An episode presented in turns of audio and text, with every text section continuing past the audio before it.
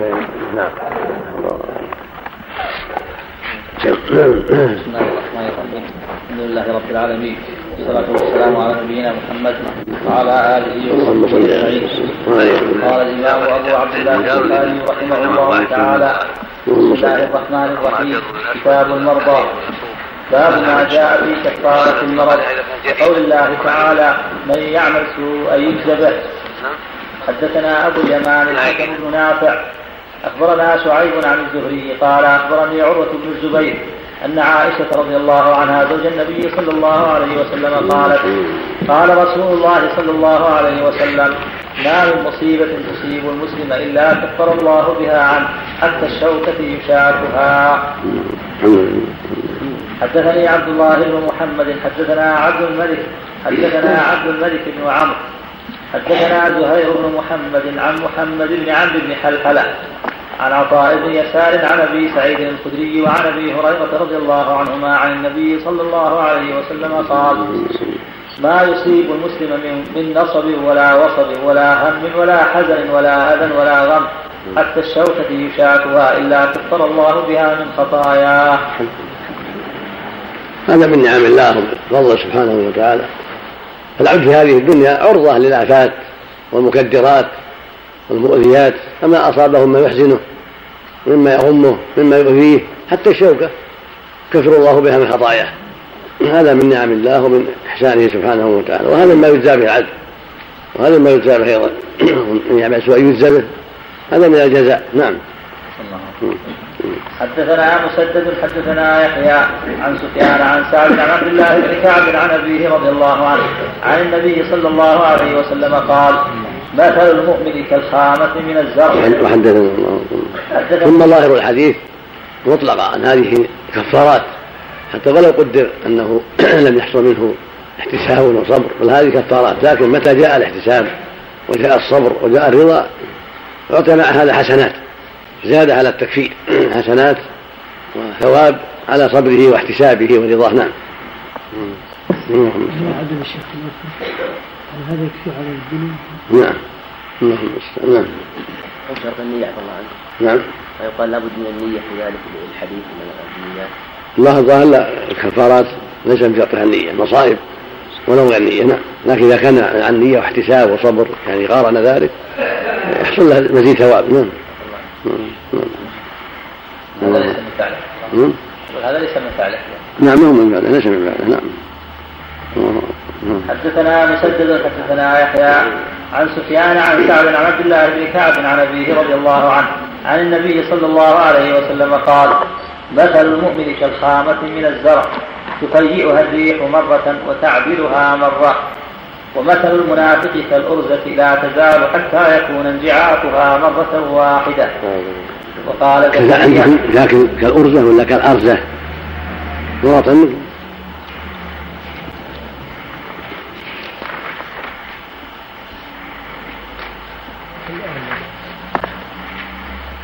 بالسكت كالأرزة. ما ضبطها الشارع؟ قال هنا أحسن له بفتح الهمزة وسكون الراء وبالزاء. نعم. يشير الصنوبر المعروفة كانت لا لا تنجع إلا مرة واحدة. نعم. الغالب أن الكافر يمتع ثم يموت مرة واحدة نسأل الله العافية. يكون هذا أعظم في الإثم وأشد في العقوبة نسأل الله العافية. أما المسلم فكخامة الزرع تضيئه الريح هكذا وهكذا تصيبه المصائب فيفضي إلى الآخرة وقد خفف الله عنه. ذنوبه أو أو كثير ذنوبه الله أكبر. نعم. كالأرزة بفتح الهمزة وقيل بكسرها وسكون الراء وبعدها بعدها زاي كذا للأكثر وقال أبو عبيدة هو بوزن فاعلة. وهي الثابتة في الأرض. آرزة يعني. هي آرزة. نعم. ورده أبو عبيدة بأن الرواة بأن الرواة اتفق ورده أبو عبيد بأن الرواة اتفقوا على عدم المد. وإنما اختلفوا في سكون الراء وتحريكها والأكثر على السكون. نعم. وقال أبو حنيفة التينوري الراء ساكنة وليس هو من نبات أرض العرب ولا ينبت في السباق بل يطول طولا شديدا ويغلظ. قال وأخبرني الخبير أنه ذكر الصنوبر وأنه لا يحمل شيئا وإنما يستخرج من أعداده وعروقه الزفت. وقال ابن سيدة الأرز العرعر. أرز الأرز. الأرز العرعر. وقيل شجر بالشام يقال لثمره الصنوبر وقال الخطابي الأرزة مفتوحة الأرزة مفتوحة الراء واحدة واحدة الأرز وهو شجر الصنوبر فيما يقال. وقال القزاز قاله قوم بالتحريف. وقالوا هو شجر معتدل صلب. لا يحركه هبوب الرياح ويقال له الأرزل. نعم ماشي. نعم ماشي نعم. يعني الشيخ معروف الان في لبنان وغيره. نعم. نعم مثل ما قال الرواة على هذا أرز وواحدة أرزة تسكين. وقيل أرز الفتح ولكن أكثر على التسكين. نعم.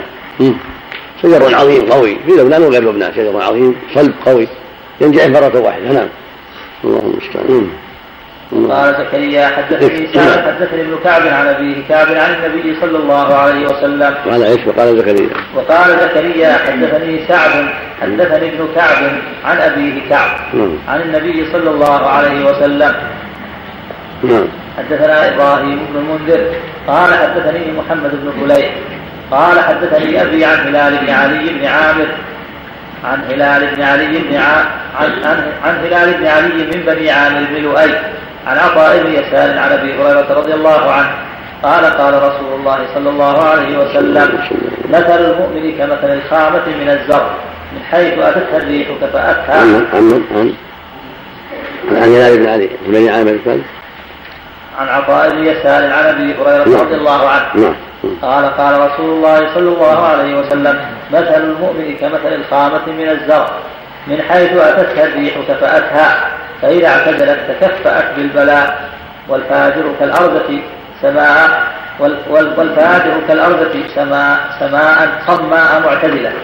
والفاجر كالأرضة صماء معتدلة حتى يقسمها الله إذا شاء.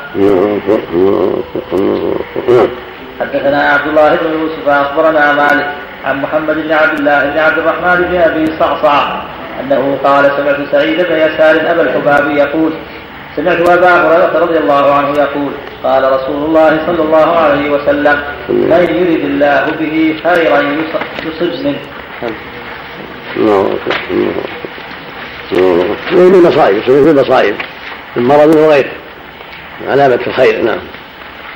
من يريد الله به خير يصب منه مثل ما قال الحديث الصحيح. من يريد الله به خير يفقهه في الدين. العلامة أن الصحة الدائمة والسلامة الدائمة ما هي بعلامة خير؟ هذه صفة الكفرة. الذين عجت لهم طيباتهم في حياتهم الدنيا. وأملي لهم وأملي لهم إن كيدي متين. نسأل الله السلامة. نعم. هل على الأغلب عفى الله عنك. نعم. يستحق الكافر يعني يعني على الأغلب أنه لا يأتي مصائب هذا كلها وصف أو كله وصف غالبي نعم. الله أكبر نعم. تشبيه المؤمن أحسن الله إليك. تشبيه هامة الزرع نعم. مثل ما مثل ما بين النبي تثير هكذا وهكذا. المؤمن يصيبه تارة كذا تارة موت ولد تارة زوجة تارة أمراض عارضة تارة نعم. يعني تصاب أشياء متنوعة. نعم. نعم. نعم. باب شدة المرض. حدثنا قبيصة حدثنا سفيان عن الأعمش. حاول حدثني بشر بن محمد. أخبرنا عبد الله أخبرنا شعبة عن الأعمش عن أبي وائل عن مسروق عن عائشة رضي الله عنها قالت ما رأيت أحدا أشد عليه الوجع من رسول الله صلى الله عليه وسلم. حدثنا محمد بن يوسف حدثنا سفيان عن الأعمش عن إبراهيم التيمي عن الحارث بن سويد عن عبد الله رضي الله عنه قال أتيت النبي صلى الله عليه وسلم في مرضه وهو يوعك وعكا شديدا وقلت إنك لتوعك وعكا شديدا. قلت إن ذاك قلت إن ذاك بأن لك أجرين. قال أجل ما من مسلم يصيبه أذى إلا حات الله عنه خطايا كما تحات ورق الشجر. باب أشد الناس بلاء الأنبياء ثم الأمثل فالأمثل. الله أكبر الله أكبر نعم. حدثنا عبدان عن أبي حمزة عن الأعمش عن إبراهيم التيمي عن الحارث بن سويد عن عبد الله رضي الله عنه قال دخلت على رسول الله صلى الله عليه وسلم وهو يوعك. فقلت يا رسول الله إنك توعك وعكا شديدا. قال أجل إني أوعك كما يوعك رجلان منكم. قلت ذلك بأن لك أجرين. قال أجل ذلك كذلك. ما من مسلم يصيبه أذى. شوكة فما فوقها إلا كفر الله بها سيئاته. إلا كفر الله بها سيئاته. كما تحط الشجرة ورقها. باب وجوب عيادة المريض. ترجمة في الناس بلاء الأنبياء. اللهم صل. قوله باب أشد الناس بلاء الأنبياء ثم الأمثل فالأمثل كذا الأكثر وللنسفي الأول فالأول وجمع وجمعهما المستملي والمراد بالأول الأولية في الفضل والأمثل أفعل من المثال. والجمع أماثل وهو الفضلاء وهم الفضلاء. وصدر هذه الترجمة لفظ حديث أخرجه الدارمي والنسائي في الكبرى. وابن ماجه وصححه الترمذي وابن حبان والحاكم كلهم من طريق عاصم بن بهدلة. عن مصعب بن سعد بن أبي وقاص عن أبيه عن أبيه رضي الله عنه قال قلت يا رسول الله أي الناس أشد بلاء؟ قال الأنبياء قال الأنبياء ثم الأمثل فالأمثل. يبتلى الرجل على حسب دينه. الحديث وفيه حتى يمشي على الأرض وما عليه خطيئة. أخرجه الحاكم من رواية العلاء بن المسيب عن مصعب أيضا. وأخرج له شاهدا من حديث أبي سعيد ولفظه. قال الأنبياء قال ثم من؟ قال العلماء قال ثم من؟ قال الصالحون. الحديث. وليس فيه ما في آخر حديث سعد. ولعل, ولعل الإشارة بلفظ الأول فالأول إلى ما أخرجه النسائي وصححه الحاكم من حديث فاطمة بنت اليمان أخت حذيفة قالت أتيت النبي صلى الله عليه وسلم في نساء نعود فإذا بسقاء يقطر عليه من شدة الحمى. فقال إن من أشد الناس بلاء الأنبياء ثم الذين يلونهم ثم الذين يلونهم. قوله عن ابي حمزه هو السكري بضم المفرد وتسديد الكاف. يكفي يقال شغال العين. قوله باب أشد الناس بلاء الأنبياء ثم الأول فالأول. هذا باب في بيان ما جاء من قوله صلى الله عليه وسلم أشد الناس بلاء الأنبياء. ولفظ الحديث ما رواه الترمذي حدثنا هذه الترجمة تدل على صحته عند المؤلف ولهذا ترجم به ولكن لم يخرجه لأنه لم يكن على شرطه لهذا ترجم له هذه الترجمة كعادة في الأحاديث التي تثبت عنده في سيرها بالتعليق أو بالترجمة. نعم. ولفظ الحديث ما رواه الترمذي. حدثنا قتيبة قال حدثنا شريك عن عاصم بن مصحب بن سعد عن أبي عن عاصم بن مصحب عن لا عن مصحب غلط. عن مصحب عاصم بهدلة يعني. وما الترمذي إيش ولفظ الحديث؟ رواه ما رواه الترمذي. نعم ما عزل الترمذي. هذا الدارمي والنسائي وابن ماجه وأبن حاتم والحاكم. شو الحافظ؟ الحافظ نعم. له حديث أخرجه الدارمي والنسائي في الكبرى وابن ماجه أخرجه الدارمي ولا الترمذي؟ أخرجه. جميع أخرجه إيش؟ وصدر هذا الترجمة لفظ حديث. أخرجه الدارمي والنسائي في الكبرى وابن ماجه وصححه الترمذي وابن حبان والحاكم. صح الترمذي. نعم. طيب طيب. ماشي نعم. كمل يعني. عن مصعب بن ابن سعد عن أبيه. قال قلت يا رسول الله أي الناس أشد كان مناسبا يقول أخرجه الترمذي أيضا مع مع التصحيح نعم. نعم قلت يا رسول الله. حدثنا حدثنا حدثنا قتيبة قال حدثنا شريك عن عاصم عن مصعب بن سعد عن أبيه. قال قلت يا رسول الله أي, أي الناس أشد بلاء؟ قال الأنبياء ثم الأمثل فالأمثل الحديث. وأخرجه أي ابن ماجه أيضا. وابن بطال ذكر الترجمة بلفظ الحديث وهو أولى. قوله ثم الأول هكذا وقع في رواية النهسفي وفي رواية الأكثرين ثم الأمثل فالأمثل مثل ما في الحديث. والمستملي جمعهما في روايته. ويمكن أن قوله ثم الأول فالأول إشارة إلى ما أخرجه النسائي والحاكم وصححه من حديث فاطمة بنت اليمان. أخت حذيفة قالت أتيت النبي صلى الله عليه وسلم في نساء نعوده فإذا سقاء يقطر عليه من شدة الحمى. فقال إن من أشد الناس بلاء الأنبياء ثم الذين يلونهم وإنما قال أولا ثم الأمثل بلفظ ثم وقال ثانيا فالأمثل بالفاء للإعلام بالبعد والتراخي من, من المرتبة بين الأنبياء وغيرهم. وعدم ذلك بين غير الأنبياء. إذ لا شك أن البعد بين النبي والولي أكثر من البعد بين ولي وولي. إذ مراتب الأولياء بعضها قريبة من بعض ولفظ الأولى تفسير للأمثل إذ معنى الأول المقدم في الفضل ولذا لم يعطف عليه بثم والأمثل الأفضل انتهى الكلام تم. نعم. نعم. الله أكبر. الله المستعان. نعم. باب وجوب عيادة المريض. حدثنا قتيبة بن سعيد حدثنا أبو عوانة. باب وجوب. نعم. نعم. باب وجوب عيادة المريض. حدثنا قتيبة بن سعيد حدثنا أبو عوانة. عن منصور عن أبي وائل عن أبي موسى الأشعري رضي الله عنه قال قال رسول الله صلى الله عليه وسلم أطعموا الجائع وعودوا المريض وفكوا العاني. فك وفك العاني. هذا واضح المؤلف لأن أمر والأمر أصل الوجوب ولهذا قال باب وجوب عيادة المريض ليس في الجملة وجوبها في الجملة. ويحصل أداء الواجب بالمرة ثم كرر كان أفضل.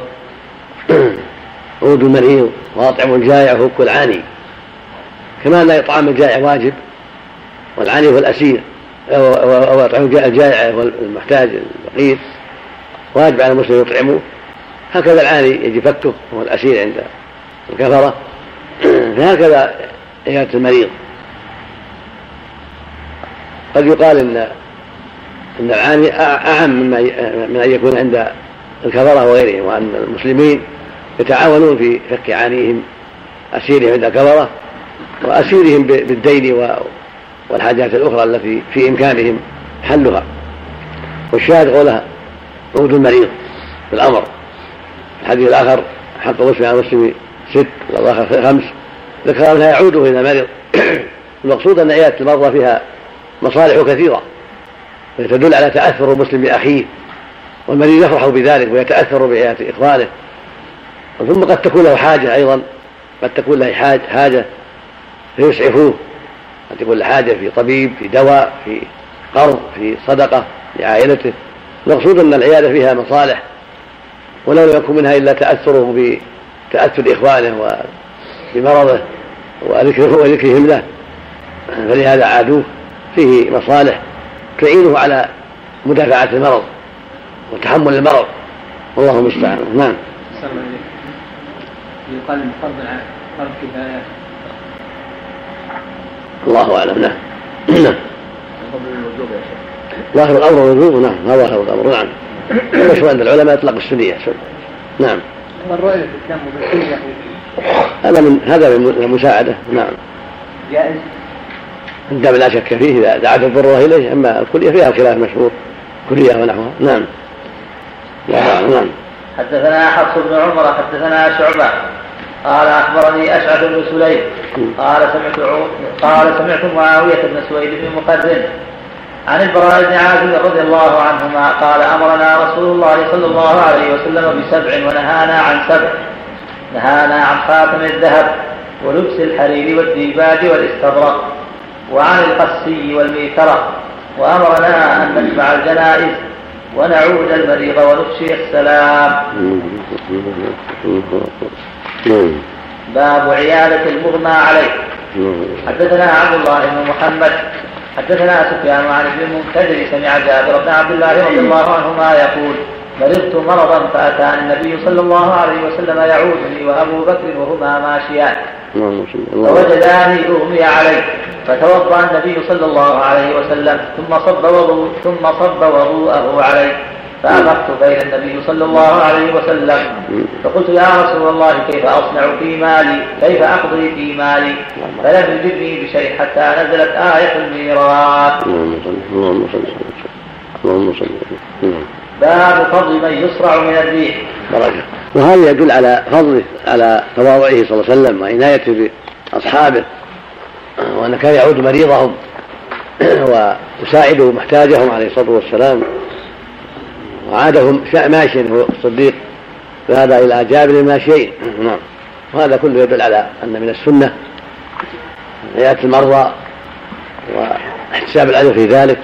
ماشيا أو راكبا نعم. نعم الحديث اللي مر علينا أمس الله المستعان الحديث اللي مر معنا أمس في قصة جابر في ندع ما بين النبي عليه الصلاة والسلام نعم كلام نعم هذا فيه ذكره في باب علامات النبوة أي قال الحافظ ابن حجر رحمه الله تعالى قال عياض هذه قصة رواها الثقات من العدد الكثير عن الجم الغفير عن الكافة متصلة بالصحابة رضوان الله عليهم وكان ذلك في مواطن اجتماع الكثير منهم في المحافل ومجمع العساكر ولم يرد عن أحد منهم إنكار إنكار على راوي على راوي ذلك. فهذا النوع ملحق بالقطعي من معجزاته. وقال القرطبي قضية نبع الماء بين أصابعه صلى الله عليه وسلم تكررت منه في عدة مواطن في مساجد عظيمة ووردت من طرق كثيرة يفيد مجموعها العلم القطعي المستفاد من التواتر التواتر المعنوي. قلت أخذ كلام عياض وتصرف فيه. قال ولم يسمع بمثل هذه المعجزة عن غير نبينا صلى الله عليه وسلم. والحديث نبع ما جاء من رواية أنس عند الشيخين عند الشيخين وأحمد وغيرهم من خمسة طرق وعن جابر بن عبد الله من أربعة طرق وعن ابن مسعود عند البخاري والترمذي. وعن ابن عباس عند أحمد والطبراني من طريقين وعن أبي ليلى والد عبد الرحمن. عند ابن أبي ليلى. أبي ليلى. والد عبد الرحمن عند الطبراني. فعدد هؤلاء الصحابة ليس كما يفهم من إطلاقهم. وأما تكثير الماء بأن يلمسه بيده أو يدخل فيه أو يأمر بوضع شيء فيه فسهم من كنانته فجاء في حديث عمران بن حصين في الصحيحين. وعن البراء بن عازب عند البخاري وأحمد من طريقين وعن أبي قتادة عند مسلم وعن أنس عند البيهقي في الدلائل وعن زياد بن الحارث الصدائي عنده. وعن حبان بن بح بضم الموحدة وتشديد المهمل الصدائي أيضا فإذا ضم هذا إلى هذا بلغ الكثرة المذكورة أو قاربها وأما من رواها من أهل القرن الثاني فهم أكثر عددا وإن كان شر طرقه أفرادا وفي الجملة يستفاد منه الرد على ابن بطال حيث قال هذا الحديث شهده جماعة كثيرة من الصحابة إلا أنه لم يروى إلا من طريق أنس وذلك لطول عمره وتطلب الناس العلو وتطلب الناس العلو في السند انتهى. وهو ينادي عليه بقلة الاطلاع والاستحضار لأحاديث الكتاب الذي شرحه وبالله التوفيق. قال القرطبي ولم يسمع بمثل هذه المعجزة عن غير نبينا صلى الله عليه وسلم حيث نبع الماء من بين عظمه وعصبه ولحمه ودمه. وقد نقل ابن عبد البر عن المزني أنه قال نبع الماء من بين نبع الماء من بين أصابعه صلى الله عليه وسلم أبلغ في المعجزة من نبع الماء من الحجر حيث ضربه موسى بالعصا فتفجرت منه المياه لأن خروج الماء من الحجارة معهود بخلاف خروج الماء من بين اللحم والدم. انتهى. وظاهر كلامه أن الماء نبع من نفس اللحم الكائن في الأصابع من نفس اللحم الكائن في الأصابع ويؤيده قوله في حديث جابر الآتي فرأيت الماء يخرج من بين أصابعه وأوضح منه ما وقع في حديث ابن عباس عند الطبراني فجاءوا بشن فوضع رسول الله صلى الله عليه وسلم يده عليه. ثم فرق أصابعه فنبع الماء من أصابع رسول الله صلى الله عليه وسلم مثل عصا موسى فإن الماء تفجر من نفس العصا فتمسكه به يقتضي أن الماء تفجر من بين أصابعه ويحتمل أن يكون أن يكون المراد أن الماء كان ينبع من بين لا ولم يصل من العصا غلط. ولم من العصا غلط إنما نبع من الحجر. قصة موسى ضرب الحجر ونبع الماء من الحجر من العصا. العصا صارت حية. نعم. وهكذا الروايات الأخرى فيها نبع الماء من, من, من نفس الماء. نعم. ويحتمل أن يكون المراد أن الماء كان ينبع بين أصابعه بالنسبة إلى رؤية الرأي وهو في نفس الأمر للبركة الحاصلة فيه. يفور ويكفر وكفه صلى الله عليه وسلم في الماء فرآه الرائي نابعا من بين أصابعه والأول أبلغ في المعجزة وليس من أخبار ما يرده وهو أولى. انتهى. الله محتمل. لكن تطلبه الماء تطلبه الماء الذي يضع يده فيه. قد يؤذن بالثاني الذي هو قول الآخرين. إن الماء نفسه بارك الله فيه هو بين أصابع النبي صلى الله عليه وسلم. يحتمل هذا وهذا. نعم. نعم. ما يقال على الطعام؟ نعم. يقول على الطعام القليل اللي بارك الله فيه. من جنس هذا نعم. يعني الأظهر في المعنى أن الماء بورك فيه والطعام بورك فيه. نعم. واليد من أسباب البركة وجودها في الماء من أسباب البركة. كما كما أن دعاءه والطعام من أسباب البركة. نعم. صلى الله عليه وسلم. أما كونه نبعا بين الأصابع فهو مستحيل. كما هو ظاهر بعض الروايات. نعم. هذا يقال يقول الله الشيء كن فيكون. نعم. الرواية التي ذكرها نعم. أقول سند الرواية اللي قال ونبع الماء من أصابعه لا لا تعرض سند هذا ما تعرض سند لكن حسب أي شاهد المشاهدون من بين أصابعه محتملة. من بين يحتاج يكون من نفس اللحم والدم ومن نفس واحتمل أنه دركة في الماء الذي فيه الذي فيه الأصابع مطروحة وهو وهو موجه على كل حال. معجزة عظيمة على كلا الحالين. نعم نعم. سم بسم الله الرحمن الرحيم. الحمد لله رب العالمين وصلى الله لا لا أستبعد أن يكون فيه مؤلف لأنه مهم. ولا يستبعد يكون بعض العلماء مؤلف في هذا ساق طرقها وجمعها واعتنى بها لكن المؤلف ما تعرض لهذا. ولكن الله أعلم لأن العلماء تركوا شيئا. وهذا مهم. تقييد الجواب الصحيح نعم. تقييد الجواب الصحيح. ما تعرض له في آخر الجواب الصحيح؟ ما أدري ما أدري. تعرض إلى شيء. نعم. لعل أحدكم يجمعها. نحن في القرن الخامس عشر. كم ترك الأول للآخر؟ نعم. الله المستعان. نعم. الله المستعان. نعم. نعم. حاجة في علم يتوسع تعب لكن هذا بس هذا. الموضوع هذا. نعم. نعم. بسم الله الرحمن الرحيم. الحمد لله رب العالمين. والصلاة والسلام على أشرف الأنبياء والمرسلين. اللهم صل على نبينا محمد وعلى آله وأصحابه أجمعين. قال الإمام البخاري رحمه الله تعالى باب فضل من يصرع من الريح حدثنا مسدد حدثنا يحيى عن عمران أبي بكر. قال حدثني عطاء بن أبي رباح. قال قال ابن عباس رضي الله عنهما لا أريك امرأة من أهل الجنة. قلت بلى. قال هذه المرأة السوداء أتت النبي صلى الله عليه وسلم. فقالت إني أسرع وإني أتكشف فادعو الله لي. قال إن شئت صبرت ولك الجنة وإن شئت دعوت الله أن يعافيك فقالت أصبر.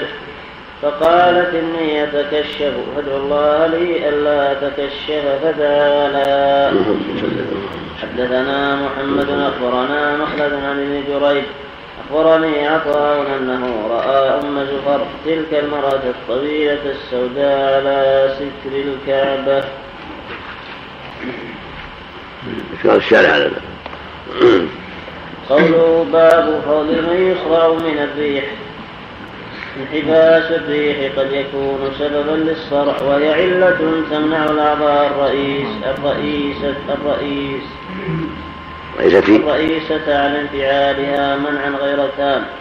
وسببه انحباس انحباس الريح قد يكون سببا للصرع. وهي علة تمنع الأعضاء الرئيسة عن انفعالها منعا غير تام. وسببه ريح غليظة تنحبس في منابر الدماغ. أو بخار بذيء يرتفع إليه من بعض الأعضاء.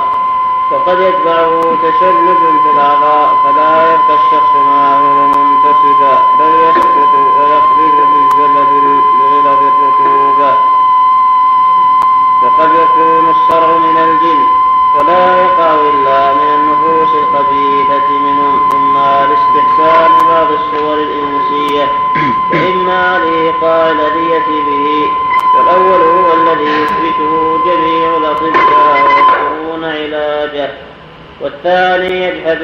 كثير منهم وبعضهم يثبته ولا يعرف له علاجا. الأول ما يتعلق بالريح هذا الأول. لباس الريح ويحصل بسبب تغير الأعضاء الرئيسة التي يحصل منها ما يحصل من سقوط الإنسان تشنجه والثاني ما يتعلق بسبب الجن. نعم. قد ينكره بعض الأطباء نعم. وقد يكون وقد يكون نعم. وقد يكون نعم. وقد يكون الصرع من الجن ولا يقع إلا من النفوس الخبيثة منهم. إما لاستحسان بعض الصور الإنسية وهذا يسمونها العشق. نعم. وإما لإيقاع الأذية به. والأول هو الذي يثبته جميع الأطباء ويذكرون علاجه. والثاني يجحده كثير منهم. وبعضهم يثبته ولا يعرف له علاجا إلا بمقاومة الأرواح الخيرة العلوية لتندفع آثار الأرواح الشريرة السفلية وتبطل أفعالها. وممن نص منهم على ذلك فبقراط فقال لما ذكر علاج المشروع هذا إنما ينفع في الذي سببه أخلاق وأما الذي يكون من الأرواح فلا. قوله يحيى هو ابن سعيد القطان قوله عن عمران أبي بكر هو المعروف بالقصير. واسم أبيه مسلم وهو بصري تابعي صغير. قوله ألا أريك. ألا بتخفيف اللام قبلها همزة مفتوحة. قوله هذه المرأة السوداء في رواية جابر المستغفري في كتاب الصحابة وأخرجه أبو موسى في الذيل من طريقه ثم من رواية عطاء الخراساني عن عطاء بن أبي رباح في هذا الحديث فأراني حبشية صفراء عظيمة فقال هذه سعيرة الأسدية. قوله فقالت النبي هذه المؤتة. إن في هذه الموتة وهو بضم الميم بعدها همزة ساكنة الجنون وأخرجه ابن مردويه في التفسير من هذا الوجه وقال في روايته إن في هذه الموتة يعني الجنون وزاد في روايته وكذا ابن أنها كانت تجمع الصوف والشعر والليف. فإذا اجتمعت لها كبة عظيمة نقضتها فنزل فيها ولا تكونوا كالتي نقضت غزلها الآية قد تقدم في تفسير النحل أنها امرأة أخرى قوله وإني يتكشف بمثنات وتشديد معجمة من التكشف وبالنون الساكنة مخففا من الانكشاف. المراد أنها خشيت أن تظهر عورتها وهي لا تشعر. قوله في الطريق الأخرى حدثنا محمد هو ابن سلام وصرح به في الأدب المفرد ومخلد هو ابن يزيد قوله أنه رأى أم زفر بضم الزاي وفتح الفاء قوله تلك المرأة. في رواية الكشميهني تلك امرأة قوله على ستر الكعبة بكسر المهملة أي جالسة عليها أي جالسة عليها معتمدة.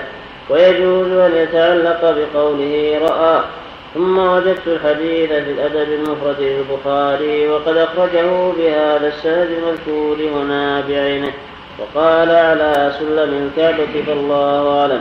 وعند البزار من وجه آخر عن ابن عباس رضي الله عنهما في نحو هذه القصة أنها قالت إني أخاف الخبيث أن يجردني وفي رواية وعند البزار من وجه آخر عن ابن عباس رضي الله عنهما في نحو هذه القصة أنها قالت إني أخاف الخبيث يجردني فدعا لها.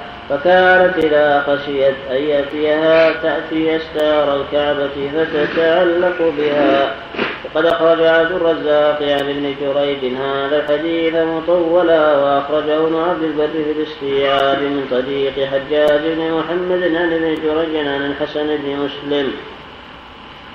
أنه سمع طاووسا يقول كان النبي صلى الله عليه وسلم يؤتى بالمجانين فيضرب صدر أحدهم فيبرأ فأتي بمجنونة ورواه وأخرجه ابن عبد البر في الاستيعاب من طريق حجاج بن محمد عن ابن جريج عن الحسن بن مسلم أنه سمع طاووسا يقول كان النبي صلى الله عليه وسلم يؤتى بالمجانين فيضرب صدر أحدهم فيبرأ فأتي بمجنونة يقال لها أم زهر. فضرب صدرها فلم تبرأ.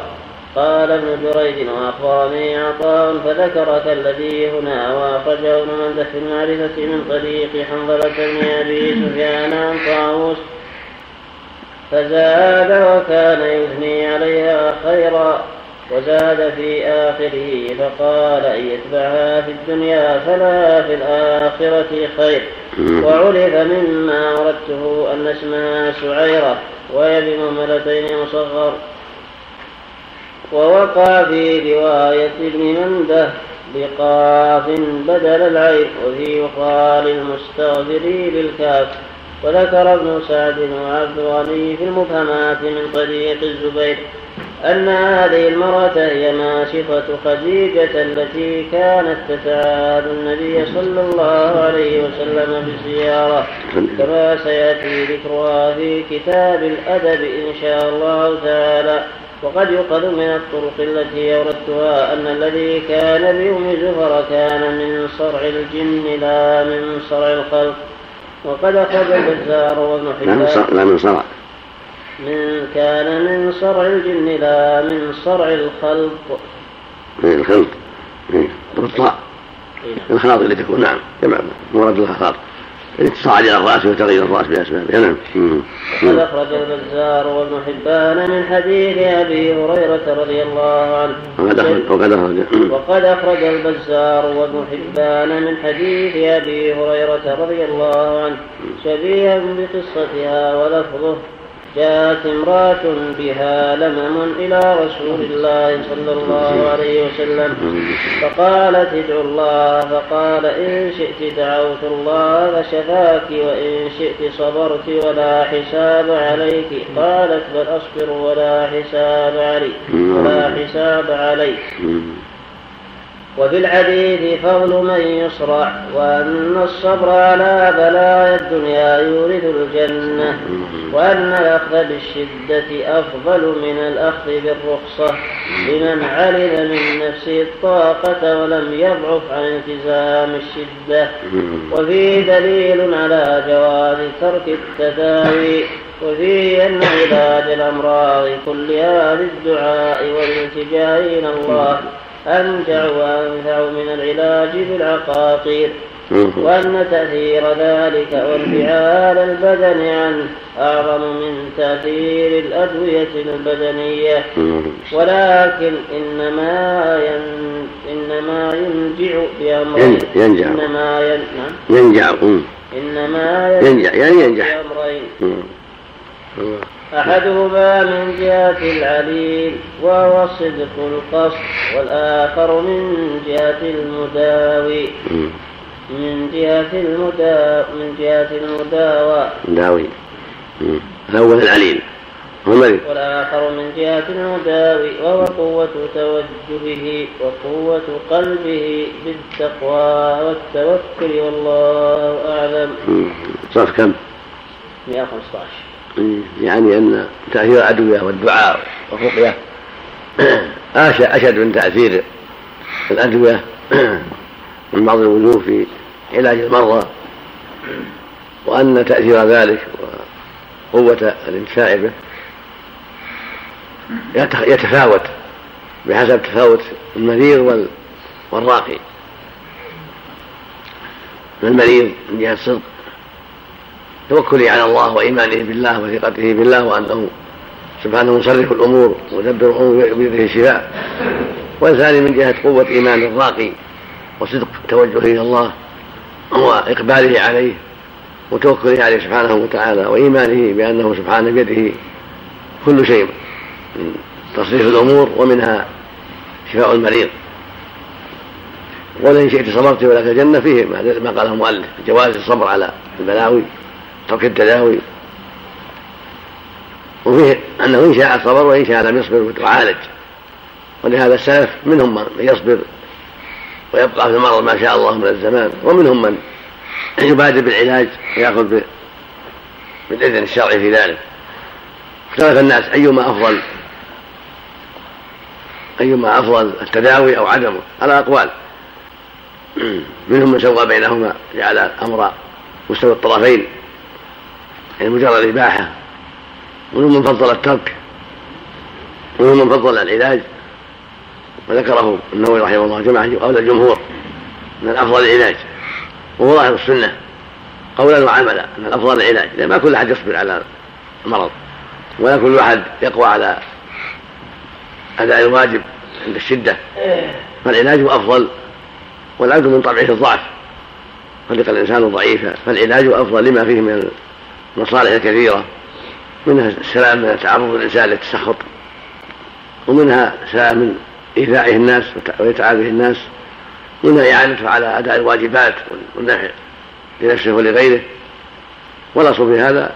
الأدلة الكثيرة. عباد الله تداووا ما بحرام. قوله قوله رقص صلى الله عليه وسلم ورقي.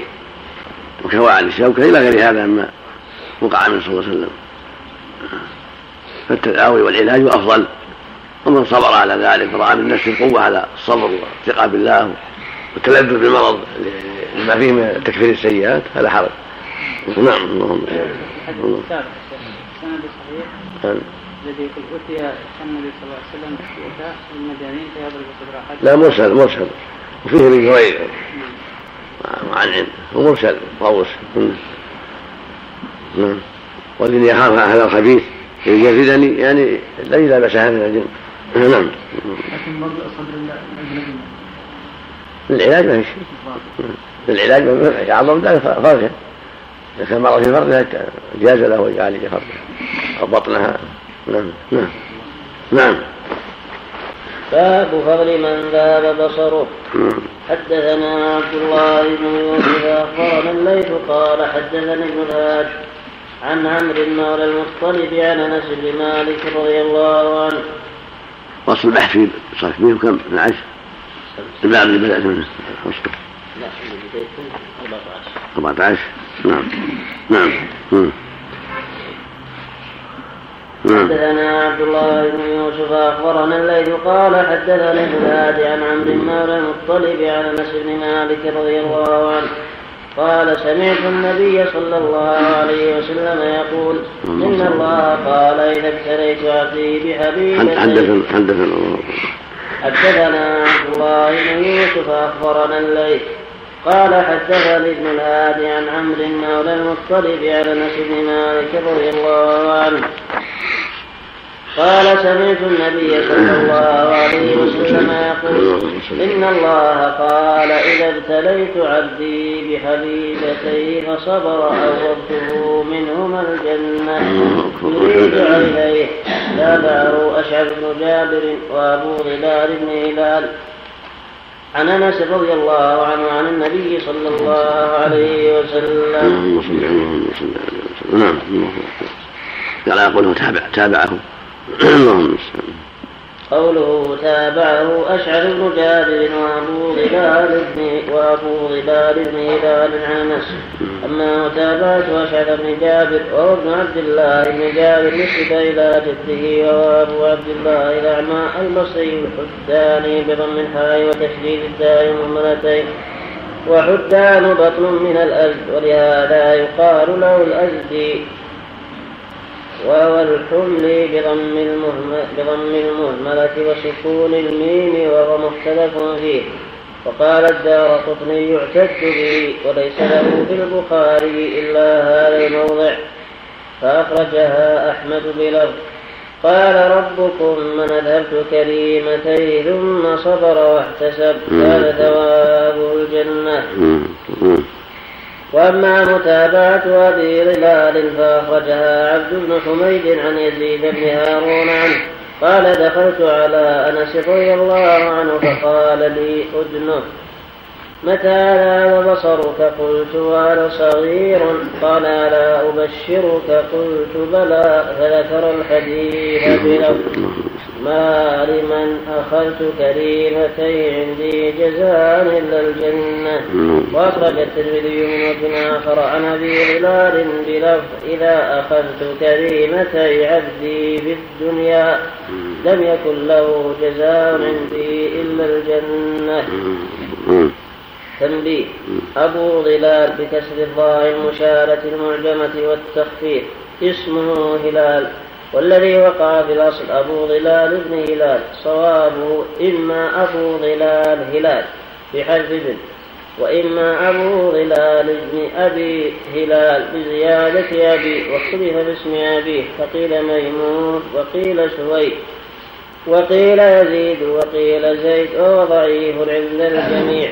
إلا أن البخاري قال إنه مقارب الحديث. وليس له في صحيحه غير هذه المتابعة وذكر المزي في ترجمته أن ابن حبان ذكره في الثقات وليس بجيد لأن ابن حبان ذكره في الضعفاء فقال لا يجوز الاحتجاج به وإنما ذكر في الثقات هلال ابن أبي هلال آخر. رواه يحيى بن متوكل وقد فرق البخاري بينهما. ولهم شيخ ثالث يقال له هلال بن أبي هلال تابعي أيضا روى عنه محمد. نعم. وهو أصلح حالا في الحديث منهما والله أعلم. نعم. نعم. نعم. باب تنبيه. أبو ظلال بكسر الظاء المشارة المعجمة والتخفيف. اسمه هلال. والذي وقع في الأصل أبو ظلال ابن هلال. صوابه إما أبو ظلال هلال. بحذف ابن وإما أبو ظلال بن أبي هلال بزيادة أبي واختلف باسم أبيه فقيل ميمون وقيل سويد وقيل يزيد وقيل زيد وهو ضعيف عند الجميع. إلا أن البخاري قال إنه مقارب الحديث وليس له في صحيحه غير هذه المتابعة. وذكر المزي في ترجمته أن ابن حبان ذكره في الثقات وليس بجيد لأن ابن حبان ذكره بالضعفاء فقال لا يجوز الاحتجاج به وإنما ذكر في الثقات هلال ابن أبي هلال آخر رواه يحيى بن متوكل وقد فرق البخاري بينهما. وله شيخ ثالث يقال له هلال بن أبي هلال تابعي أيضا روى عنه محمد. نعم. وهو أصلح حالا في الحديث منهما والله أعلم. نعم. نعم. نعم. باب عيادة النساء الرجال. وعادت أم الدرداء رجلا من أهل المسجد من الأنصار. حدثنا قتيبة عن مالك عن هشام بن عروة عن أبيه عن عائشة رضي الله عنها أنها قالت لما قدم رسول الله صلى الله عليه وسلم المدينة وعك أبو بكر وبلال رضي الله عنهما قالت فدخلت عليهما قلت يا أبت كيف تجدك؟ ويا بلال كيف تجدك قالت وكان أبو بكر إذا أخذته الحمى يقول كل امرئ مصبح في أهله والموت أدنى من شراك عليه وكان بلال إذا إذا أقلعت عنه يقول ألا ليت شعري هل أبيتن ليلة بواد وحولي إذخر وحولي. إذخر وجليل. وهل أردن يوما مياه مجنة؟ وهل تبدو لي شامة وقفيل يحن إلى مكة. اللهم المستعان اللهم المستعان قالت عائشة رضي الله عنها فجئت إلى رسول الله صلى الله عليه وسلم فأخبرته. فقال اللهم حبب إلينا المدينة كحبنا مكة وشد اللهم وصححها وبارك لنا في مدها وصاعها وانقل حماها فاجعلها بالجحفة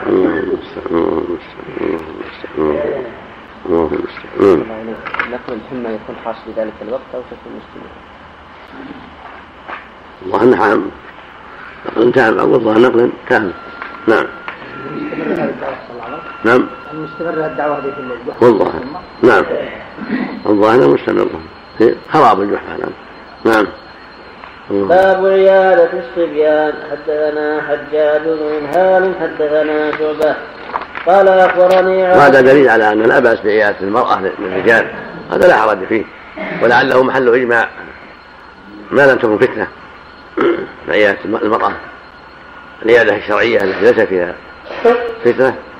مشروعة كالرجل العموم عود المريض حق مسلم خمس منها يعود إذا مرض.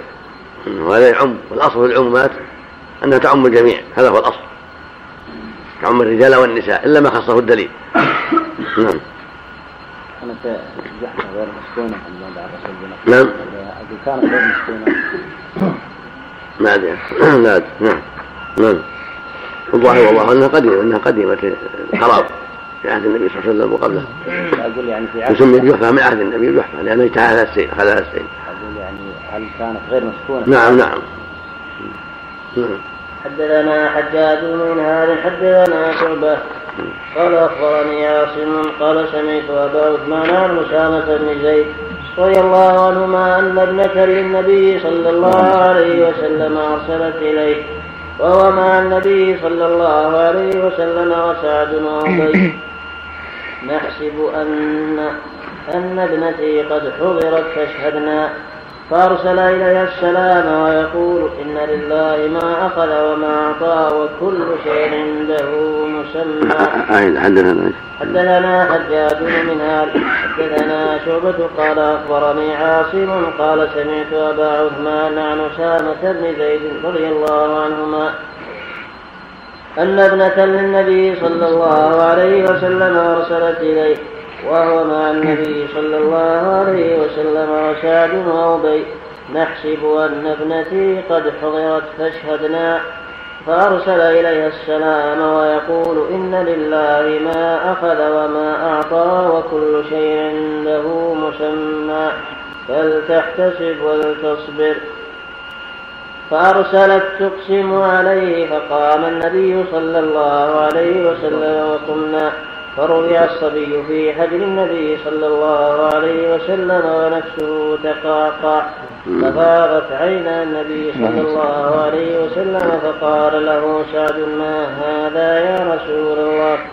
قال هذه رحمة وضعها الله في قلوب من شاء من عباده. ولا يرحم الله من عباده إلا الرحماء ومن هذا فوائد. منها تواضع صلى الله عليه وسلم ورحمته عليه الصلاة والسلام عطفه على أولاده وعلى أمته عليه الصلاة والسلام. فإنها أقسمت عليه فقام إليها. حلفت أنه يأتي فقام عليه الصلاة والسلام وأبر قسمها. ومنها تطيب نفس الذي يطلبك لتحضر لمريض أو نحو وأنت مشغول تقول له لرسوله قل له كذا وكذا. بلغوا سلامي يقول له أنا مشغول مثلا تصبر وتحتسب ليصبر وليحتسب. وليقل ما مثل ما قال النبي لله ما أخذ وله ما أعطى كل شيء عنده باجر مسمى إذا لم يتيسر الحضور. أو كان هناك شاغل عنه. ومنها جواز القسم على الغير إذا أدل عليه بشيء فإن أقسمت عليه ولم ينكر عليها. دل ذلك على يوجد أن تقول لولدك. والله تحضر أو لأخيك أو لأبيك أو لصديقك والله تفعل كذا. إدلاء عليه وحرصا على شيء تحبه منه. فيه من الفوائد الصحبة صحبة الإخوان في عيادة المرضى فإنه قاموا معه جماعة من الصحابة عليه الصلاة والسلام أسامة وزيد وأبي سعد بن أبي وقاص. فيه البكاء عند رؤية المريض أو المصاب بشيء. وأن هذا ليس من الجزع لا بل من الرحمة. فإن رأى مريض قد اشتد به المرض أو رأى مصاب قد اشتد به اشتد المصيبة فدمعت عيناه هذا من الرحمة ومن المواساة أيضا. لهذا قال إنها رحمة ولا يرحم الله من عباده إلا الرحمة. لما سأله سعد عن ذلك. في قصة موت ابن إبراهيم لما بكى. سألوه قال العين تدمع؟ وقالوا يحزن ولا نقول إلا ما يرضي الرب. وإنا بفراقك يا إبراهيم لمحزونون كل هذا يدل على جواز البكاء الذي هو دمع العين من غير صوت. نعم اللهم المستعان نعم. باب عيادة الأعراب. حدثنا معل بن أسد حدثنا عبد العزيز بن مختار. حدثنا خالد عن عكرمة عن ابن عباس. زينب. لعلها زينب والله أعلم. لأن هي اللي تأخرت. أما فاطمة ذاك الوقت. تقدم شرحه مستوفا في أوائل كتاب الجنائز. نعم. تقدم شرحه مستوفا في أوائل كتاب الجنائز. بس العين ذكر شيء زينب ولا من؟ نعم. قال صاحب التلويح وبنته التي أرسلت إليه تدعوه صلى الله عليه وسلم هي زينب وابنها اسمه علي كذا بخط شيخنا أبي محمد الدمياطي نعم. الله نعم. حدثنا معل بن أسد حدثنا عبد العزيز بن المختار حدثنا خالد عن عكرمة عن ابن عباس رضي الله عنهما أن النبي صلى الله عليه وسلم دخل على أعرابي يعوده. قال وكان النبي صلى الله عليه وسلم إذا دخل على مريض يعوده قال له قال له لا بأس طهور إن شاء الله. قال قلت طهور كلا بل هي حمى تفور أو تثور على شيخ كبير تزيره القبور. فقال النبي صلى الله عليه وسلم فنعم إذا. لا حول ولا قوة إلا بالله. الله أكبر. هذا فيه سوء جواب الأعرابي. قال له طهور إن شاء الله ويقول لا كلا. ما هي حمى تفور على شيء كبير تزيره القبور. قال لم النبي فعل فنعم إذا يعني على ما قلت. لا حول ولا قوة لا حول ولا قوة إلا الله وفي من الفوائد زيارة الأعراب والجفاة من من جنس يعني حالة عدم الفقه يزار بما في الزيارة من التوجيه والإرشاد وإظهار محاسن الإسلام والتواضع. هذا أفضل الخلق يزور صحابيا أعرابيا أظهر الإسلام.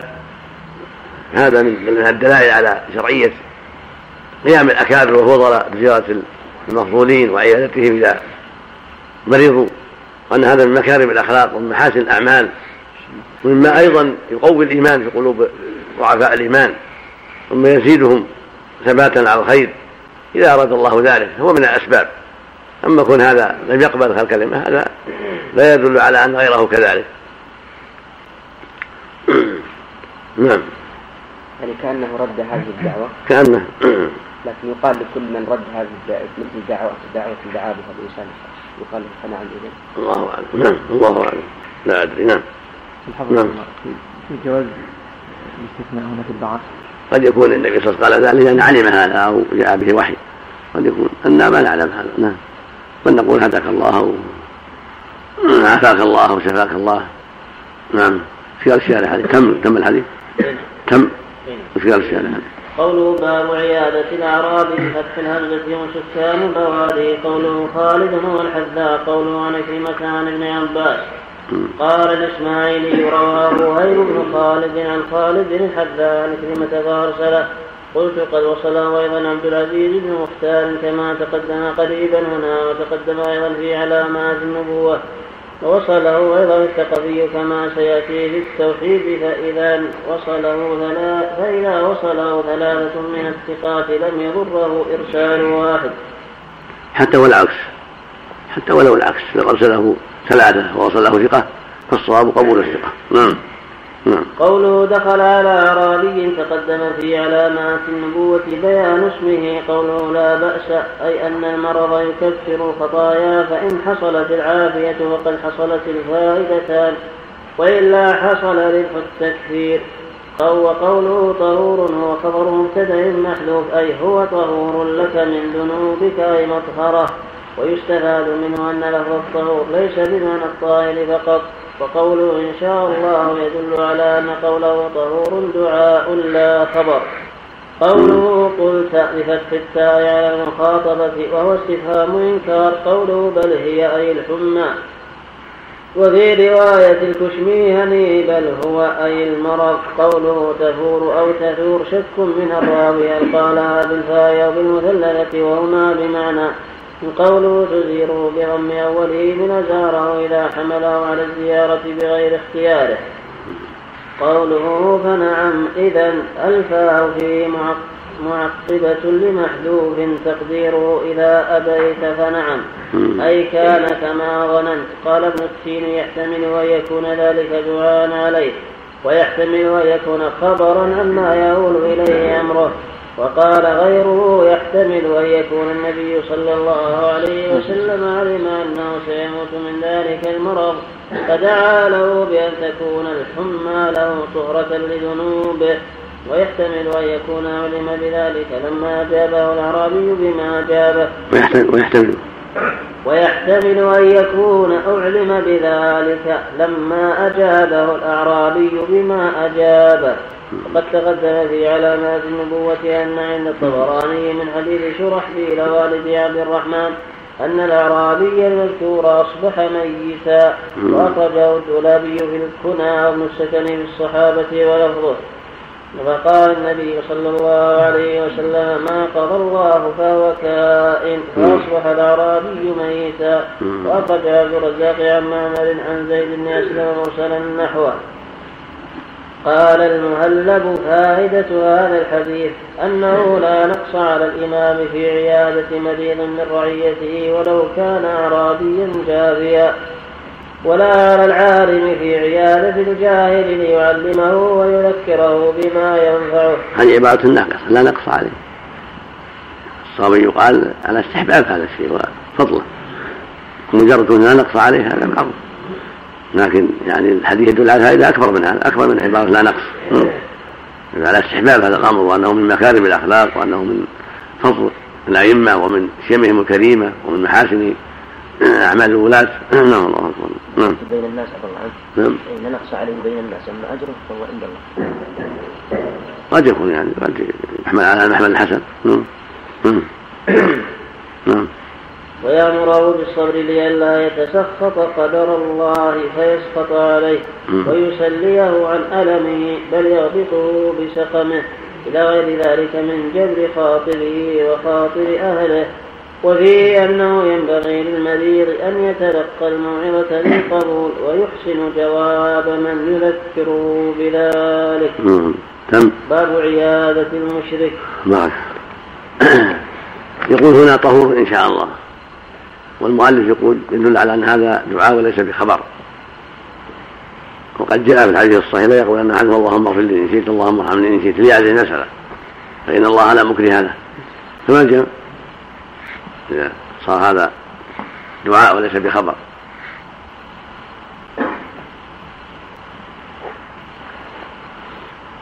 مفهوم إن شاء الله.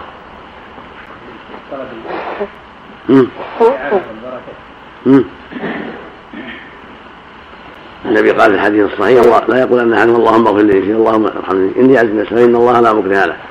ربما لا يكون هذا بجزم. ربما لا يكون جزم من هذا الطهور من هذا المرض. لكن لكن هذا لكن إذا جعلنا خبرا زال الإشكال. إذا جعلنا خبرا زال الإشكال. لكن إذا جعلنا دعاء جاء الإشكال. طهور من الذنوب يعني ليس المراد انه طهور له من الذنوب. ولا ما يصير ولا ما يترك الاستثناء يقول. يصير دعاء. اللهم اجعله طهورا. كما لو قال الله لو قال اللهم اجعله طهورا يقول إن شاء الله. لا يطلق ها؟ نعم. الاستثناء ولا عدم الاستثناء هنا؟ أحسن الاستثناء إن شاء الله أو عدم الاستثناء. النبي قال طهورا إن شاء الله. الاحسن ما قاله النبي. ما في إشكال. أقول الأحسن نقول ما قال عليه الصلاة والسلام. لكن هل هل هو دعاء أو خبر؟ يقول المؤلف الشارح إنه دعاء. واللي والذي يقول منا يقصد الدعاء ما نعلم منه.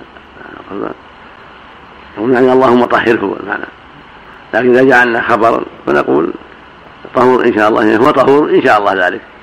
وإلا ما شاء إن شاء ما شاء ذلك ما يصير طهور. يصير منا خبر عنا. ليظل والله أعلم. انه من باب الخبر لا من باب لا من باب الدعاء. خلاف ما قال المؤلف الشارح. من باب الخبر. نخبر أنه طهور. إن شاء الله ان يجعله طهورا. فإذا جعلناه خبرا ما في تعارض بين الحديث هذا وحديث اللهم اغفر لي شئت فنقول هو طهور لهذا المخاطب. إن شاء الله. لا نجزم. مثل ما نقول أنه مؤمن إن شاء الله. فلان سليم إن شاء الله. يعني حسب الظاهر من حاله أنه سليم إن شاء الله. فلان يحب الخير إن شاء الله. مو من باب الدعاء من باب الخبر ما يمكن يجزم بان هذا يعني هذا المرض طهور له من الذنوب قد يغفر له وقد لا يغفر له هذا الشخص. ما دام ما دام طهور فهو مغفور له. ما دام طهور ما دام اذا إذا صار طهور غفر له. يجزم بذلك أن يغفر له نعم ويقولنا إن شاء الله. ما اجزم سم الاقرب عندي والله أعلم أنه طهور أنه خبر تأملوا وأعطوا الناس عندكم ولو بعد غير ولو غير اليوم خلوه خلوه على الباب. نعم. نعم. ربط الدعاء بذكر الله يكون فيه البركة. أنا أسألكم عن الجمع بين الحديثين بس. طيب يا شيخ إيش نعم. إيش ما يكون هذا من باب العزم؟ إن شاء الله من باب التوكيد. يرد من باب التوكيد إن شاء الله. ما قال إن شاء يكون من باب العزم. العزم ما يكون معه إن شاء الله. العزم مع حزم إن شاء الله. مو بتعليق. من المسجد الحرام. إن شاء الله. نعم.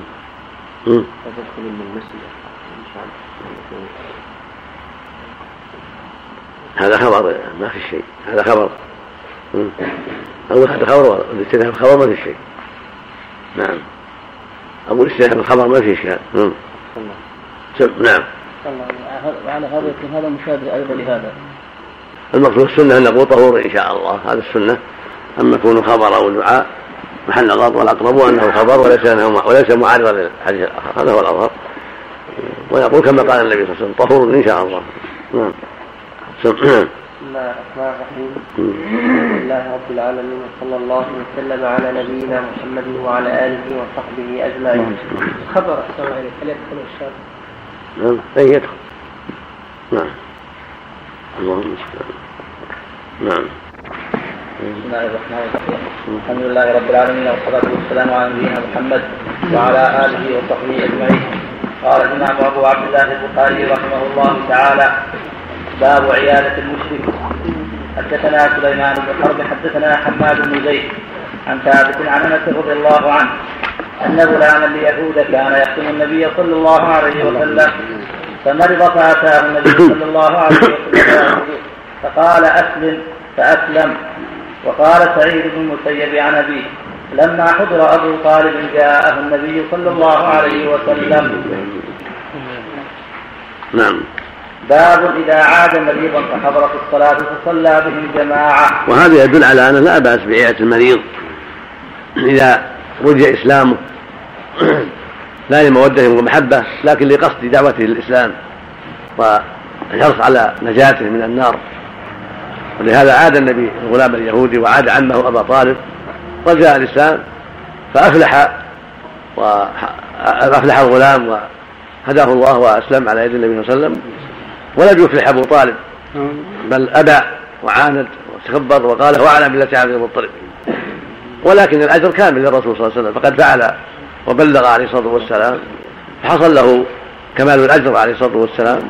وإن لم ينجح أبو طالب وإن لم يفلح أبو طالب نسأل الله السلامة. وهكذا المؤمن بعد الرسول صلى الله عليه وسلم إذا عاد كفارا من أقاربه أو غيرهم رجاء يهديهم الله على يديه ولا سيما عند الموت وفي حال الاحتضار وفي حال قرب الأجل فله أجر كبير وله أسوة بالنبي عليه الصلاة والسلام. نعم. جزاك الله خير. ذكرت اول امس انه جائز عن المراه يعني اذا كانت يعني؟ نعم. صوتك إيش؟ ذكرت اول امس ان المراه جائز إنها تزور المريض إذا خافت الفتنه نعم نعم. يعني هل يضاف عليها السلام واتباع الجنائز وما إلى ذلك؟ اتباع الجنائز في الصلاه في المسجد ما هي أما الجنائز المقبره لا. نهى عن اتباع الجنائز لكن عياده المريض عياده المريض لا بأس. عيادة المريض من غير ريبة لا بأس. نعم. السلام. السلام على من؟ السلام على الرجال. لا, لا بأس سلم على الرجال النبي سلم على النساء وسلموا عليه عليه الصلاة والسلام. من دون ريبة. مع مع الحجاب والعناية والبعد عن أسباب الريبة. نعم. نعم. باب إذا عاد مريضا فحضر في الصلاة فصلى بهم جماعة. حدثني محمد بن المثنى. حدثنا يحيى حدثنا هشام. قال أخبرني أبي عن عائشة رضي الله عنها أن النبي صلى الله عليه وسلم دخل عليه ناس يعودونه في مرضه فصلى بهم جالسا فجعلوا يصلون قياما فأشار إليهم أن يجلسوا. فلما فرغ قال إن الإمام ليؤتم به فإذا ركع فاركعوا وإذا رفع فارفعوا وإن صلى جالسا فصلوا جلوسا. قال أبو عبد الله قال الحميدي هذا الحديث منسوخ. لأن النبي صلى الله عليه وسلم آخر ما صلى صلى قاعدا والناس خلفه قيام. هذا قاله الزهري أيضا جماعة. قالوا العبرة بالآخر فالآخر يعني النبي صلى الله عليه وسلم كان في آخر حياته صلى بهم قائما قاعدا وصلوا قياما ولم يأمرهم بالجلوس. هذا دل على أنه ناسخ لما تقدم من الجلوس. وقال آخرون بل هذا يدل على الجواز والنسخ لا يكون بالاحتمال. فلما تركهم ولم يأمروا الجلوس دل على أن الأمر في قوله فصلوا الجلوس ليس للوجوب بل هو للندب والاستحباب. ولأن أحاديث الأمر بالجلوس كثيرة حديث عائشة وحديث أنس وحديث جابر جماعة. فيه الأمر بالجلوس فيكون ذلك للاستحباب وقصة صلاته بالناس في آخر حياته وعد أمره لهم بالجلوس يدل على الجواز وأنه لو صلوا قياما فلا حرج. فالجلوس مستحب وإن صلوا قياما فلا حرج جمعا بين الأخبار. وقد تقرر في الأصول أنه لا يصلى للنسخ إلا عند تعذر الجمع. والجمع لا يتعذر هنا نعم. باب وضع اليد باب وضع اليد على المريض. نعم. حدثنا المكي بن إبراهيم أخبرنا الجعيد عن عائشة بنت سعد أن أباها رضي الله عنه قال فشكيت بمكة شكوى شديدة. فجاءني النبي صلى الله عليه وسلم يعودني فقلت يا نبي فقلت يا نبي الله إني أترك ماله وإني لم أترك إلا بنتا واحدة فأوصي بثلثي مالي وأترك الثلث. فقال لا قلت فأوصي بالنصف وأترك النصف. قال لا قلت فأوصي بالثلث وأترك لها الثلثين. قال الثلث والثلث كثير ثم وضع يده على جبهته. ثم دخل عليه رسول الله. اللهم صل نعم. قال تشكيت بمكة. نعم. شكوى شديدة. فجاء النبي صلى الله عليه وسلم يعودني فقلت يا نبي الله إني أترك مالا وإني لم أترك إلا بنتا واحدة فأوصي بثلثي, بثلثي مالي وأترك الثلث. فقال لا قلت فأوصي بالنصف وأترك النصف. قال لا قلت فأوصي بالثلث وأترك لها الثلثين. قال الثلث والثلث كثير. ثم وضع يده على جبهته ثم مسح يده على وجهه وبطنه. ثم قال اللهم اشف سعدا وأتمم له هجرته. فما زلت ثم ثم وضع ثم وضع يده اللهم صل ثم مسح يده ثم وضع يده على جبهته ثم مسح يده على وجهه وبطنه. ثم قال اللهم اشف سعدا وأتمم له هجرته. فما زلت أجد برده على كبدي فيما يقال إلي حتى الساعة. عافاه الله وشفاه. وعاش إلى ست وخمسين من الهجرة. رضي الله عنه وأرضاه. اللهم صل المقصود أن الله جل وعلا نفع به وجاهد الفرس جهادا عظيما. ولهذا في الرواية الأخرى لعلك أن تعمر فيضر فينتفع فينتفع بك أقوام. ويضر بك آخرون. اللهم صل عليه وسلم اللهم المستعان الله أكبر. نعم. وفي هذا فضل عياده المرضى. و... وأن الرسول كان يعود المرضى عليه الصلاة والسلام. وفي عياده المرضى مصالح كثيرة. ولا سيما من الكبار والرؤساء والأعيان. فإنه يتأسى بهم وتقرأ بهم الحوائج. وفي اعاده المريض أيضا مصالح للمريض نفسه. فإنه ينشط أيضا ويحس القوة والمرح والسرور وانتعاش النفس وربما زاد ذلك في شفائه وربما زال مرضه بسبب ذلك عندما يرى إخوانه يزورونه ويعتنون به وربما كانت له حاجة فأفشاها إلى بعض إخوانه كقرض أو إحضار طبيب أو دواء أو غير هذا من شؤون المريض. نعم. اللهم الباب السابق يا شيخ يدل على أن الجماعة لا تلزم في المسجد لا ما يدل على هذا لكن يدل على أن لا بأس يصلى خلف الإمام الراتب الإمام الراتب يصلى بالناس في محله. صلى بهم في غير المسجد لا حرج بس الإمام الراتب. نعم. مسح الوجه والبطن يقال من في هذا أنه وضع يده على جبهته على وجهه وعلى بطنه يعني ما فوق السره هذا يشعر يؤخذ منه إذا وضع الانسان يده على المريض على يده أو جبهته وتعالى أن هذا يكون أبلغ في في حصول القبول والتأثر يدعي الله يده على يده أو على جبهته أو على صدره ويدعو له. نعم. أو ينفث عليه. نعم. فيما يقال نعم. قوله فيما يقال إليه. يعني فيما يعني أتوهمه يحس بمرونة يده عليه. الصلاة اللهم صل عليه نعم. الله يعني يشعر بهذا الشعور مما في قلبه. نعم. الله. نعم. نعم. حدثنا قتيبة قال حدثنا جرير عن الأعمش عن إبراهيم التيمي عن الحارث بن سويد قال قال عبد الله بن مسعود رضي الله عنه دخلت على رسول الله صلى الله عليه وسلم وهو يوعك وعكا وفي وفي قصة أيضا دلالة على أن الوصية لا تكون في أكثر من الثلث النهاية الثلث. وإن غض عن الثلث كما قال ابن عباس وأن الناس غضوا من الربع إن كان أولى قول الثلث والثلث كثير هذا يدل على أنه لو نزل عن الثلث أو إلى الخمس كان أولى. قد أوصى الصديق بالخمس. رويت ما رضي الله به من الخمس. وهذا يختلف. فإذا كان المال كثيرا فالتنزيل أبلغ وآكد. لأن الخمس يكون كثير والربع يكون كثير. وإذا كان المال المصاب به قليل قد يحتاج إلى الثلث حتى يحصل به المقصود. المقصود أن فيها الدلالة على لا تجوز زيادة على الثلث. ولو كان الوارث غنيا أو واحدا أو ما أشبه ذلك نعم. حدثنا قتيبة قال حدثنا جرير عن الأعمش عن إبراهيم التيمي عن الحارث بن سويد قال قال عبد الله بن مسعود رضي الله عنه دخلت على رسول الله صلى الله عليه وسلم وهو يوعك وعكا شديدا فمسسته بيدي؟ فقلت يا رسول الله انك إنك توعك وعكا شديدا. فقال رسول الله صلى الله عليه وسلم أجل إني أوعك كما يوعك رجلان منكم. فقلت ذلك أن لك أجرين. فقال رسول الله صلى الله عليه وسلم أجل ثم قال رسول الله صلى الله عليه وسلم ما من مسلم يصيبه يعني ضعف عليه البلاء وضعف له الأجر عليه الصلاة والسلام. اللهم صل اللهم صل نعم. ثم قال رسول الله صلى الله عليه وسلم ما من مسلم يصيبه أذى مرض فما سواه إلا حق الله سيئاته كما تحط الشجره ورقها نعم نعم نعم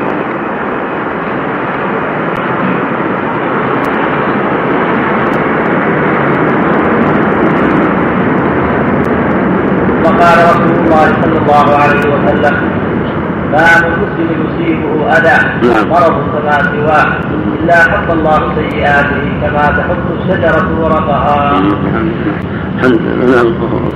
باب ما يقال للمريض وما يجيب حدثنا قبيصة قال حدثنا سفيان عن الأعمش عن إبراهيم التيمي عن الحارث بن سويد عن عبد الله رضي الله عنه قال أتيت النبي صلى الله عليه وسلم في مرضه في مرضه فمسسته وهو يوعك وعكا شديدا.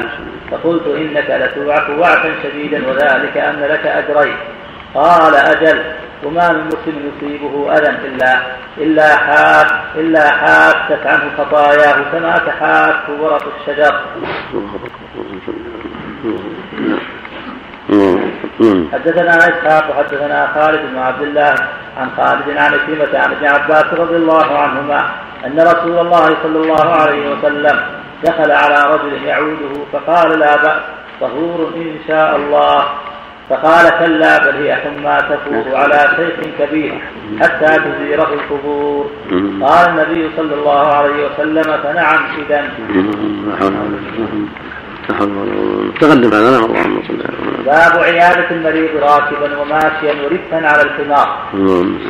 حدثنا يحيى بن بكير حدثنا الليث عن عقيل عن ابن شهاب عن عروة أن أسامة بن زيد رضي الله عنه أخبره أن النبي صلى الله عليه وسلم ركب على حمار على إكاف على قطيفة فدكية وأردف أسامة وراءه يعود سعد بن عبادة قبل وقعة بدر.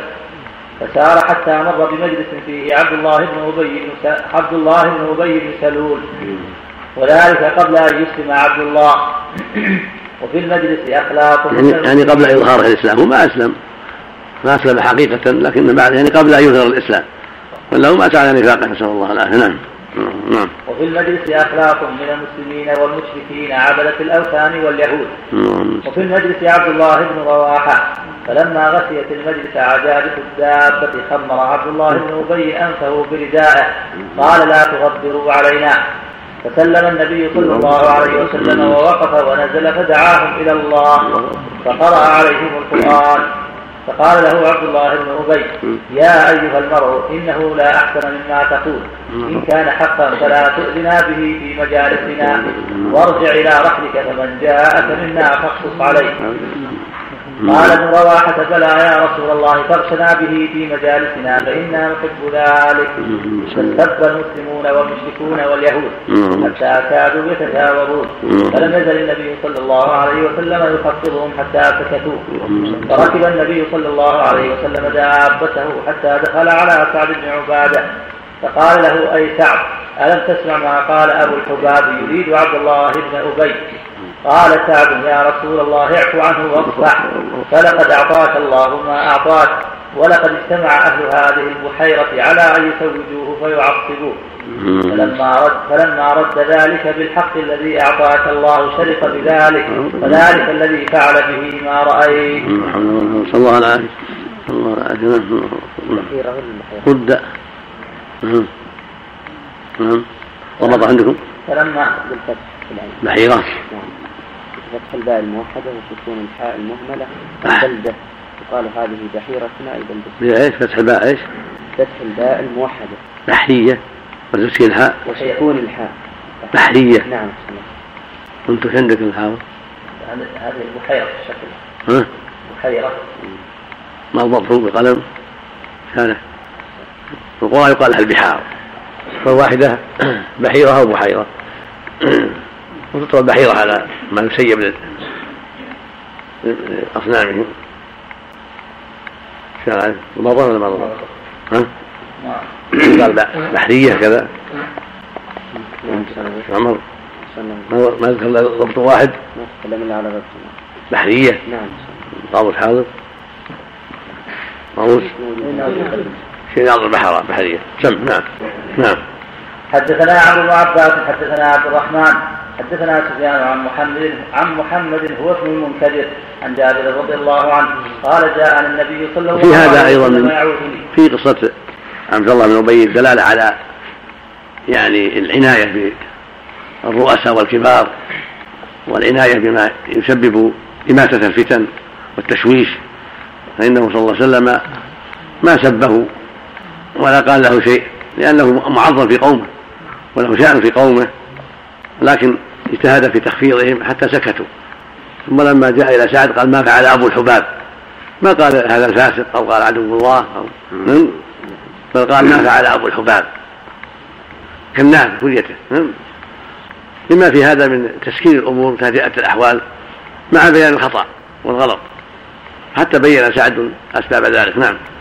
فهذا فيه دل على الرفق بالأمور في الأمور ولا سيما مع الرؤساء والكبار لأن تحريشهم وكلام فيهم قد يسبب فتنا وشرورا نعم. قد يتعصب لهم أقوام. نعم. في من المسلمين والمشركين عبدة الأوثان واليهود نعم. هذا يدل على جواز المجالسة هذا في أول في أول هجرة. قد يكون جلوسهم للدعوة إلى الله قد يكون لأمور مهمة وهم دال على الجواز مطلقا الإسلام ذاك الوقت ما بعد أشياء كثيرة في المدينة. فيهم الوثنيون وفيه اليهود. والمخالطة المسلمون لهم فيه مصالح. قد يكون لشؤون تعلق بالبلاد مصالح البلاد قد يكون للدعوة إلى الله قد يكون لغير هذا. نعم. نعم. في بحرة نعم. والبحرة البلدة. بحرة كذا. نعم. بلدة. أصل مادة البحر. نعم. والبحرة البلدة والمنخفض من الأرض والروضة العظيمة مستنقع الماء واسم مدينة النبي صلى الله عليه وسلم. بحرة كذا بحرة نعم كذا. إيه. وقرية بالبحرين وكل قرية لها نهر جار جار وماء ناقع وبحرة الرغاء بالطائف جمع بحر وبحار. وكذبير جبل بكهانة. وأسدي وحكى عنه ابن عيين وأسدي حكى عنه ابن عيين. وعلي بن بحير تابعي وكذا عاصم بن البحرية بالياء نعم. أو بحرة من عمر بحرة بحرية ها؟ البحر. البحرية حاطة. بالياء ها؟ بحرية تقول فتح الباء كان الحاء بحرة ما عندك ياء بعد بعد ما بعد الراء؟ لا. ها؟ لا ما في أحسن. ما عندك شيء؟ وانت أنت يا عبد العزيز. بحيرة فيها ياء؟ نعم فيها ياء. نعم فيها في قاموس ما فيها بحرة فقط. الله القاموس ما ما فيها ياء نعم مدينة النبي صلى الله عليه وسلم تسمى بحرة على هذا على كلامه. يحتاج إلى مراجعه اللسان والنهاية. نعم ماشي. نعم. أما يكفي قاموس مثل هذا. نعم. نعم. حدثنا عبد بن عباس حدثنا عبد الرحمن حدثنا سفيان عن محمد هو بن المنكدر عن جابر رضي الله عنه قال جاء النبي صلى الله عليه وسلم يعود لي ليس براكب بغل ولا برذون باب ما رخص للمريض أن يقول إني وجع أو راساه أو اشتد بي الوجع. وقول وقول أيوب عليه السلام إني مسني الضر وأنت أرحم الراحمين. بارك شوف كلامه على أول ما قرأت باب أول ما قرأت. قوله باب عيادة المشرك. نعم. قال ابن بطال إنما تشرع عيادته إذا إذا رجي أن يجيب إلى الدخول في الإسلام. فأما إذا لم يسمع في ذلك فلا انتهى. والذي يظهر أن ذلك يختلف باختلاف المقاصد فقد يقع بعيادته مصلحة أخرى. قال الماوردي عيادة الذمي جائزة والقربة موقوفة على نوع حرمة تقترن بها من جوار أو قرابة. ثم ذكر المصنف حديث أنس في قصة الغلام اليهودي. تقدم شرحها مستوى في كتاب الجنائز وذكر قول من زعم أن اسمه عبد القدوس. وذكر قول من زعم أن اسمه عبد القدوس. قوله وقال سعيد بن المسيب عن أبيه. تقدم موصولا في تفسير سورة القبض وفي الجنائز أيضا. وتقدم شرحه مستوفى في الجنائز. تم كلامه في الكلام على الترجمة الرابعة من بعد هذا مسجد المريض. مس المريض. وضع يد على يد المريض قوله باب وضع اليد على المريض. قال ابن بطال في وضع اليد على في وضع اليد على المريض تأنيس له وتعرف لشدة مرضه ليدعو له بالعافية على حسب ما يبدو له منه. وربما رقاه بيده ومسح على ألمه. وربما رقاه بيده ومسح على ألمه بما ينتفع به العليم إذا كان العائد صالحا. وقد يكون العائد عارفا بالعلاج فيعرف العلة فيصف له ما يناسبه. والأطباء الآن يضعون أيديهم على هذا؟ يعرفون بها نبض شيئا من وجوه العلة. مقصود أن وضع اليد عليه في إيناس في إيناس وإذا كان معه نفس عليه مصلحة أخرى. وقد يضع إيش؟ الكلمة الأخيرة وقد وربما رفعه بيده. نعم. رفع باليد نعم في بيده يمسح عليه. نعم. بالنفس يعني. نعم. وربما رقاه بيده ومسح على ألمه بما ينتفع به العليم. أو يلقي على يد على يد العليم نفسه. نعم. نعم. نعم. وربما رقاه يعني مو بلزوم رقيتكم في الصدر أو في الرأس على أي أو لو رقى في يده كفى. نعم. نعم. ربما رقاه بيده ومسح على ألمه بما ينتفع به العليل إذا كان العائد صالحا. قلت وقد يكون العائد عارفا بالعلاج فيعرف العلة فيصف له ما يناسبه. ثم ذكر المصنف في الباب حديثين تقدما. أحدهما حديث سعد بن أبي وقاص وقد تقدم شرحه في الوصايا وأورده هنا عاليا من طريق الجعيري وهو ابن عبد الرحمن. وقوله فيه تشكيت بمكة شكوى شديدة في رواية المستملي شديدة بالتذكير على إرادة المرض والشكوى بالقصد المرض. وقوله وأترك لها الثلثين. قال الداودي إن كانت هذه الزيادة محفوظة فلعل ذلك كان قبل نزول الفرائض. وقال غيره قد يكون من جهة الرد وفيه نظر لأن سعدا كان له حينئذ عصبات وزوجات فيتعين تأويله ويكون فيه حدث تقديره وأترك لها الثلثين أي ولغيرها من الورثة. وخصها بالذكر لتقدمها عنده. وأما قوله ولا يرثني إلا ابنة لي فتقدم أن أن معناه من الأولاد. ولم يرد ولم يرد ولم يرد ظاهر الحق وقوله ثم وضع يده على جبهته. في رواية الكشميهني على جبهتي وبها يتبين أن في الأول تدريدا وقوله فما زلت أجد برده أي برد يده وذكر باعتبار العضو أو الكف أو المس وقوله فيما يقال إليه قال بالسين صوابه فيما يخيل إلي بالتشديد لأنه من التخيل. قال الله تعالى يخيل إليه من سحرهم أنها تسعى. قلت وأعتبر الزركشي وهو عديد. فإن الكلمة صواب وهو بمعنى يخيل. قال في المحكم قال الشيء يقاله يظنه وتخيله ظنه.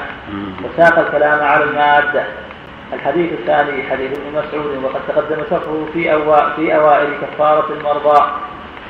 قوله فمسسته بيدي بكسر السين الأولى وهي موضع الترجمة. وجاء عن عائشة قالت شوف المتن أنت دخل يد على سعد ووضع يده بعد متن متن المتن. حديث هذا؟ متن سعد.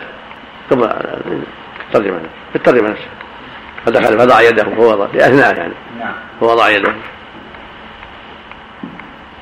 قوله متن متن في المتن. نعم. ثم وضع يده على جبهته. إيه؟ ثم مسح يده على وجهه وبطنه. إيه يعني بينت رواية عجبتني مع جبهة سعد. نعم. يعني نعم. يعني. في التفات إيه نعم. بدل المتكلم التفت إلى الغائب. نعم. سمع الحديث الثاني. نعم بارك. نعم.